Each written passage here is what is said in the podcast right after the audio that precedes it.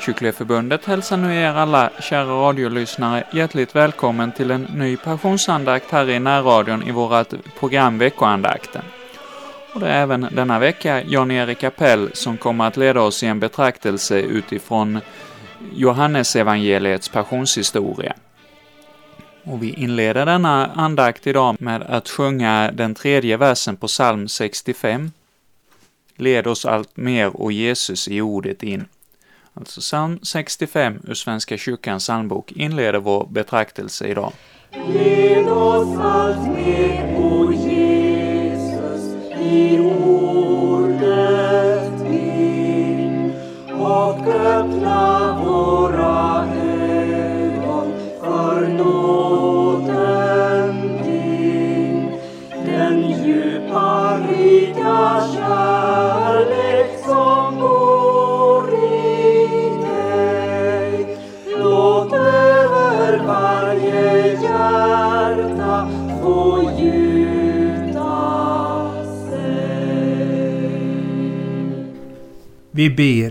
Himmelske Fader, du som inte skonat din egen son, utan för vår skull utgivit honom till döden på korset.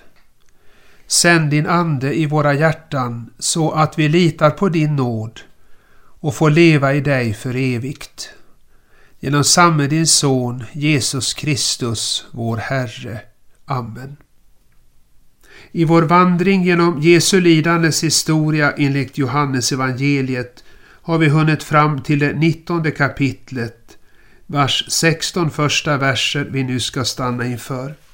Orden lyder så i Jesu namn. Då tog Pilatus Jesus och lät gissla honom. Och soldaterna flätade en krona av törne och satte på hans huvud och klädde honom i en purpurröd mantel.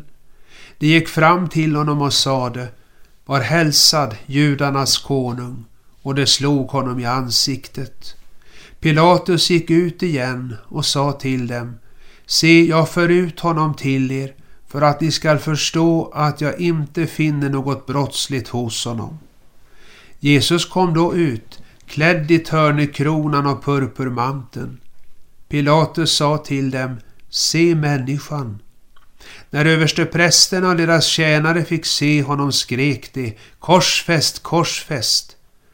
Pilatus sa då till dem, ta ni och korsfäst honom. Jag finner honom inte skyldig. Judarna svarade, vi har en lag och enligt den lagen måste han dö eftersom han har gjort sig till Guds son. När Pilatus hörde det blev han ännu mer förskräckt och han gick tillbaka in i pretoriet och sa till Jesus, varifrån är du? Men Jesus gav honom inget svar. Pilatus sa till honom, svarar du mig inte? Vet du inte att jag har makt att frige dig och makt att korsfästa dig? Jesus svarade, du skulle inte ha någon makt över mig om du inte hade fått den ovanifrån. Därför har den som utlämnat mig åt dig större skuld. Från det ögonblicket försökte Pilatus frige honom, men judarna skrek, friger du honom är du inte kejsarens vän. Var och en som gör sig själv till konung sätter sig upp mot honom. När Pilatus hörde de orden lät han föra ut Jesus och satte sig på domarsätet på den plats som kallas Litostroton, på hebreiska Gabata. Det var påskens tillredelsedag, omkring sjätte timmen. Pilatus sa till judarna, här ser ni er konung. De skrek bort med honom, korsfäst honom. Pilatus frågade, skall jag korsfästa er konung? Översteprästerna svarade, vi har ingen annan konung än kejsaren. Då utlämnade han Jesus åt dem till att korsfästas. Det tog Jesus med sig. Herre, vi tackar dig för ditt ord. Skriv det i våra hjärtan. Amen. Vi sjunger psalm 143.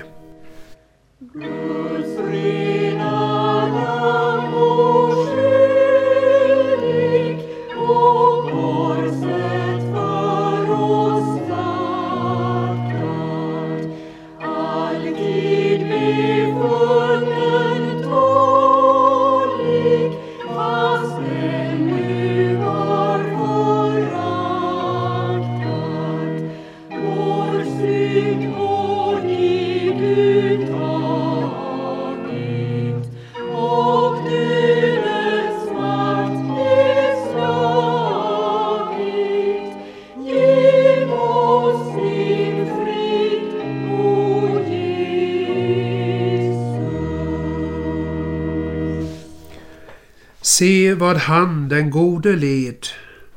Ja, så sjunger vi om Jesus i en psalm från den gamla psalmboken 391, vers 5. Se vad han den gode led. Jesus om någon gör skäl för namnet den gode. Han gick omkring och gjorde väl mot alla. Han botade sjuka och till och med uppväckte döda.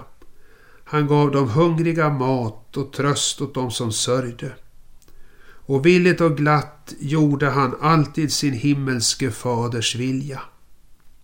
Men han den gode led, heter det. Om Jesu lidande får vi höra och läsa inte minst i heliga fastetider. Vi får då följa Jesus via avskedsstunden i Jerusalem och ångestkampen i ett semane till korsdöden på Golgata. Men varför fick han, som varken gjorde eller hade någon synd, lida så? Jo, det skedde för världens skull, för dina synder och mina. Han var genomborrad för våra överträdelsers skull, slagen för våra missgärningars skull. Men just därför är det så viktigt, evighetsviktigt, att se vad han den gode led.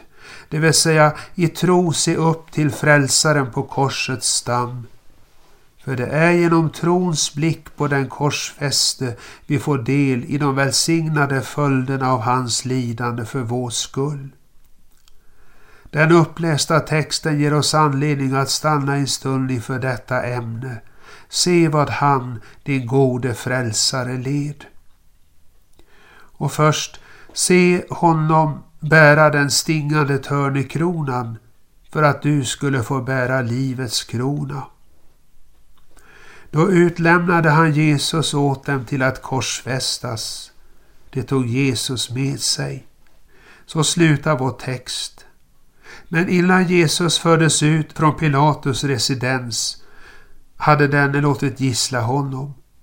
Och på hån och i syfte att öka Jesu kroppsliga smärta hade soldaterna flätat en krona av törne och satt på hans huvud. Just sådan önskar Pilatus visa Jesus för folkskarorna som otåligt väntar på ett blodigt skådespel. Vi tar säkert inte fel om vi antar att Pilatus hyste ett visst medlidande med Jesus. Hans samvete som inte var helt okänsligt ryggade tillbaka inför tanken att döma den man till döden som han innerst inne visste var os oskyldig. Det var helt visst Pilatus förhoppning att folket, när han förde ut den plågade gestalten till dem och sa Se människan, skulle gripas av medlidande med Jesus och begära att han frigavs. Därmed skulle också Pilatus på ett enkelt och behagligt sätt bli kvitt det besvärliga fallet. Se människan. Ja, se vad han, din gode frälsare, led. Se honom bära den stingande törnekronan. Se det så att det får både förödmjuka och uppmuntra, både varna och trösta dig. För inget kan vara mer ägnat att predika om syndens allvar och nådens rikedom än just den törnekrönte frälsaren. Vilken smärta måste inte Jesus ha utstått när törnekronans vassa taggar trängde in i hans huvud. Men så svårt Jesu kroppsliga lidande var, så var det ändå inget mot det själsliga lidandet. För vad var det den stingande törnekronan djupast sett flätats samman av? Jo, det var synden. Men tänk nu inte att det bara är de grymma soldaternas likar som varit med om att fläta törnekronan åt vår frälsare. Nej, vi har alla, inte bara de som betraktas som onda, utan också de som har namn om sig att vara snälla och vänliga, varit med om att sätta törnekronan på Jesu huvud, så sant som vi alla är syndare. Vad är väl varje ond tanke, varje ont ord, varje ond handling vi gjort oss skyldiga till, om inte taggar i frälsarens törnekrona? Ingen kan i sanning säga, inte en tagg i kronan du bär är kommen från mig. Men också den stingande törnekronan bad Jesus som syndares frälsare. Se då vad han den gode led. Se honom, du som medvetet gör det som är synd. Kan du se honom törnekrönt för dina synders skull utan att din kärlek till synden svalnar, ditt samvete vaknar och ditt hjärta mjuknar? Men se vad han, din gode frälsare, led, också du som söker din frälsning. Se honom törnekrönt också för dina synders skull. Hämta av detta först och främst varning och förmaning, så att du dag för dag vill ångra, bekänna och överge dina synder, som ju varit med om att fläta törnekronan åt Jesus. Men se på frälsaren med den stingande törnekronan också till uppmuntran och tröst. Jesus har ju burit törnekronan för dig till daglig förlåtelse för all svaghet i tron och all brist i helgelsen. Men i Jesu törnekrona får du också se ett bevis för att du en gång ska få bära livets krona. Nu kan det väl ofta tyckas den som kämpar trons goda kamp att han skulle gå miste om livets krona. Han lider ju så många nederlag i den andliga striden. Ofta måste han bekänna inför Gud att han blivit allvarligt sårad i kampen för livets krona. Och då Gud liksom döljer sitt ansikte för honom verkar livets krona så avlägsen, ja nära nog omöjlig att vinna. Känner du igen dig i detta och oroas du av det? Då får du det rådet och det löftet av Herren själv. Träng dig bara närmare din törnekrönte frälsare. Se på honom och bara på honom. Se vad han den gode led för dig. Då ska den törnekrona han bar för att försona också för dina synder göra dig allt mer viss om att också du en gång som en av nåden frälst syndare får bära livets krona. Vidare, se honom iklädd den purpurröda manteln för att du skulle iklädas Kristi snövita rättfärdighet. Till de yttre tecken som säger att vi har att göra med en kung hör först och främst en krona av guld besatt med ädelstenar men också en dyrbar mantel, vanligtvis av purpur. Det var denna tanke som låg bakom soldaternas grymma hån när de inte bara flätade en krona av törne och satte på hans huvud utan också klädde honom i en purpurröd mantel, antagligen någon avlagd och utsliten soldatrock. Iklädd denna konungaskrud utsattes Jesus för soldaternas och folkets hån. Om soldaterna stod det att de gick fram till honom och sa Var hälsad judarnas konung och de slog honom i ansiktet. Och när Pilatus kom ut till folket med den till kung utklädde Jesus och sa Se människan, så skrek översteprästerna och deras tjänare korsfäst, korsfäst. Pilatus som trodde att de skulle röras till medlidande med Jesus och be om hans frigivning sa då Ta ni och korsfäst honom. Jag finner honom inte skyldig till eh, eh, något. Det svar han då fick gjorde honom ännu mer förskräckt, står det. Men samtidigt var det ett hån mot Jesus. Vi har en lag, sa de, och enligt den lagen måste han dö måste han dö eftersom han har gjort sig till Guds son. Ja, hur måste inte han som verkligen var Guds son ha plågats av allt detta hån? Men så sant som det djupast sett var synden som iklädde Jesus den purpurfärgade manteln, så var också du och jag med när Jesus fick utstå denna hånfulla behandling. Vår fåfänga, vår ärelystnad, vårt högmod. Se där några av de stycken som ingick i den purpurfärgade manteln. Men också den var Jesus som syndares frälsare. Se då vad han den gode led. Se honom klädd i den purpurfärgade manteln. Du som kläder dig i självgodhetens och egenkärlekens mantel.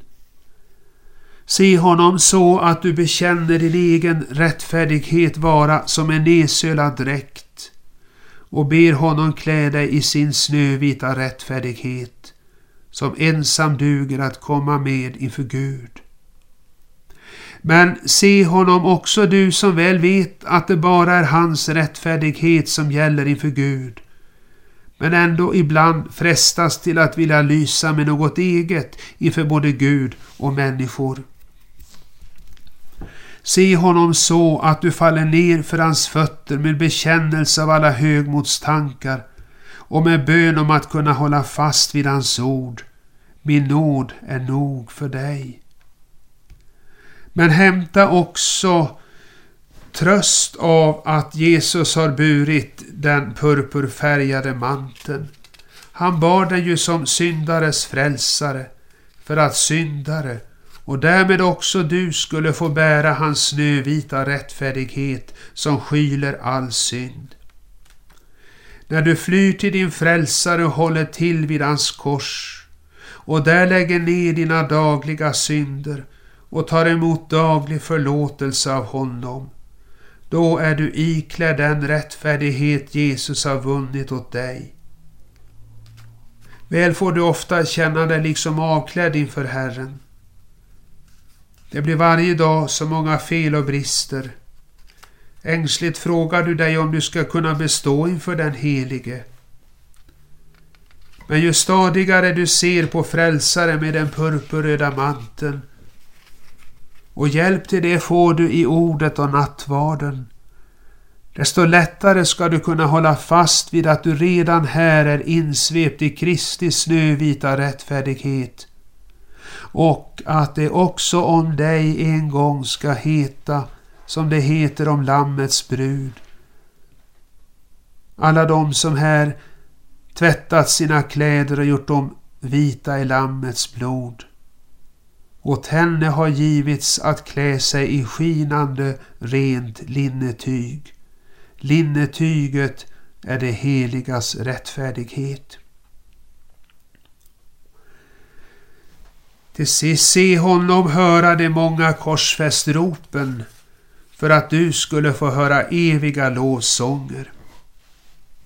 Pilatus hoppades alltså kunna stämma folket till medlidande med Jesus när han förde ut honom iklädd den purpurröda manteln och krönt med stingande törne och sa Se människan. Men Pilatus gjorde en grov felräkning. Något medlidande med den plågade mannen lyckades han inte framkalla. Och om några vekare känslor rörde sig hos någon så vågade han eller hon inte visa detta. Det var allt för riskabelt. Översteprästerna skrek före och genast följde deras folk efter. Korsfäst, korsfäst. Väl gjorde Pilatus ytterligare ett försök att frige Jesus. Det står att han gick tillbaka in i pretoriet och sa till Jesus, varifrån är du? Då Jesus inte gav honom något svar så frågade han, svarar du mig inte? Vet du inte att jag har makt att frige dig och makt att korsfästa dig? Då öppnade Jesus sin mun och sa Du skulle inte ha någon makt över mig om du inte hade fått den ovanifrån. Därför har den som utlämnat mig åt dig större skuld. Orden gör tydligen intryck på Pilatus. Det står ju att han från det ögonblicket försökte Eh, frige honom. Men judarna skrek, ”Frige du honom är du inte kejsarens vän. Var och en som gör sig själv till konung sätter sig upp mot kejsaren. Och när Pilatus efter att ha satt sig på domarsätet sa till folket Här ser ni er konung, så skrek de bort med honom, korsfäst honom. Och när översteprästerna på Pilatus fråga Ska jag korsfästa er konung? svarade Vi har ingen annan konung än kejsaren. Så orkade Pilatus inte längre stå emot utan utlämnade Jesus åt dem till att korsfästas. Vad var det som frampressade korsfästropen mot Jesus? Jo, det var djupast sett synden. Men därför går ingen fri. Också du och jag var med om att ropa korsfäst mot Jesus. Vår kärlek till synden, vårt förakt för nåden, vår andliga likgiltighet och oemottaglighet. Vad är väl detta annat än ekon av folkets korsfästrop? Men också detta att Jesus stillatigande lät dessa rop riktas mot sig hörde med till det han led som syndares frälsare. Se då vad han, din gode frälsare, led. Se honom du som ännu har din lust och stolthet i det som vållade honom ett sådant lidande. Se honom till din varning och väckelse. Lär av din lidande frälsare att han äntligen förstå att du med varje ond tanke, varje ont ord och varje ond handling på nytt ropar korsfäst, korsfäst. Och se honom, du som söker din frälsning. Se att du med din andliga lättja och tröghet, din brist på allvar i det som rör din kristna tro och ditt kristna liv, på nytt ropar korsfäst, korsfäst.